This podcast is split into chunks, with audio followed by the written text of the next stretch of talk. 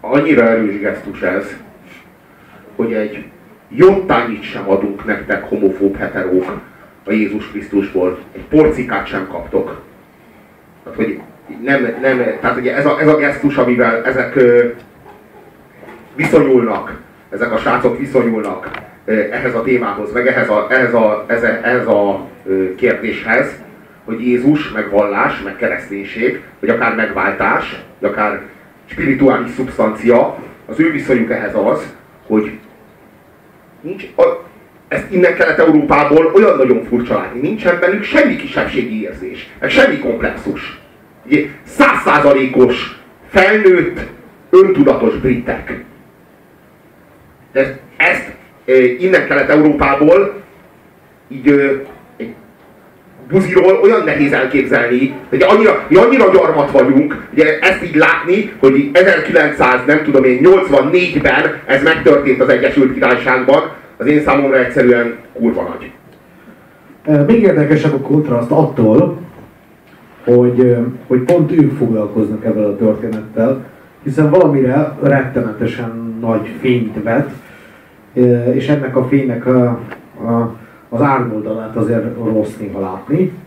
Az a kirekesztettségről szól. Én azt gondolom, hogy amit a Frankie Ghost tud nagyon a világról, az az, hogy milyen, hogyan kell kívülállónak lenni, azt hogyan kell csinálni.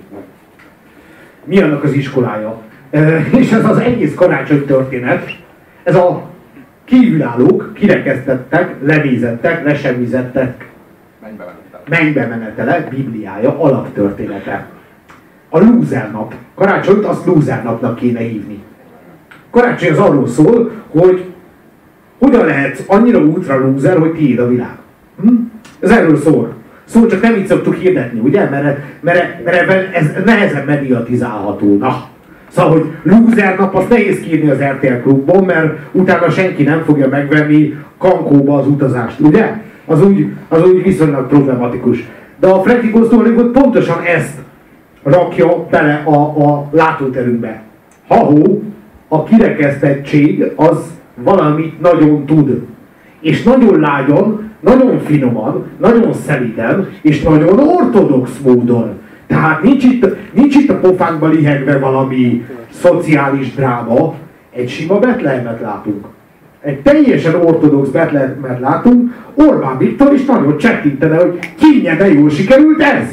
Ugye? De hát az milyen fura már, hogy pont erre csettintene, nem? És ez a, ez a gesztus, ez a lépés, ez a trükkje mindennek, hogy amit ő ugyanúgy mond el, ahogy akár Kövér László fogalmazná, az az ő szájából, ő szájából tök máshogy hangzik nektek, és ezért tök máshogy érvényes. Mert az elsőkből lesznek az utolsók, és az utolsókból az elsők.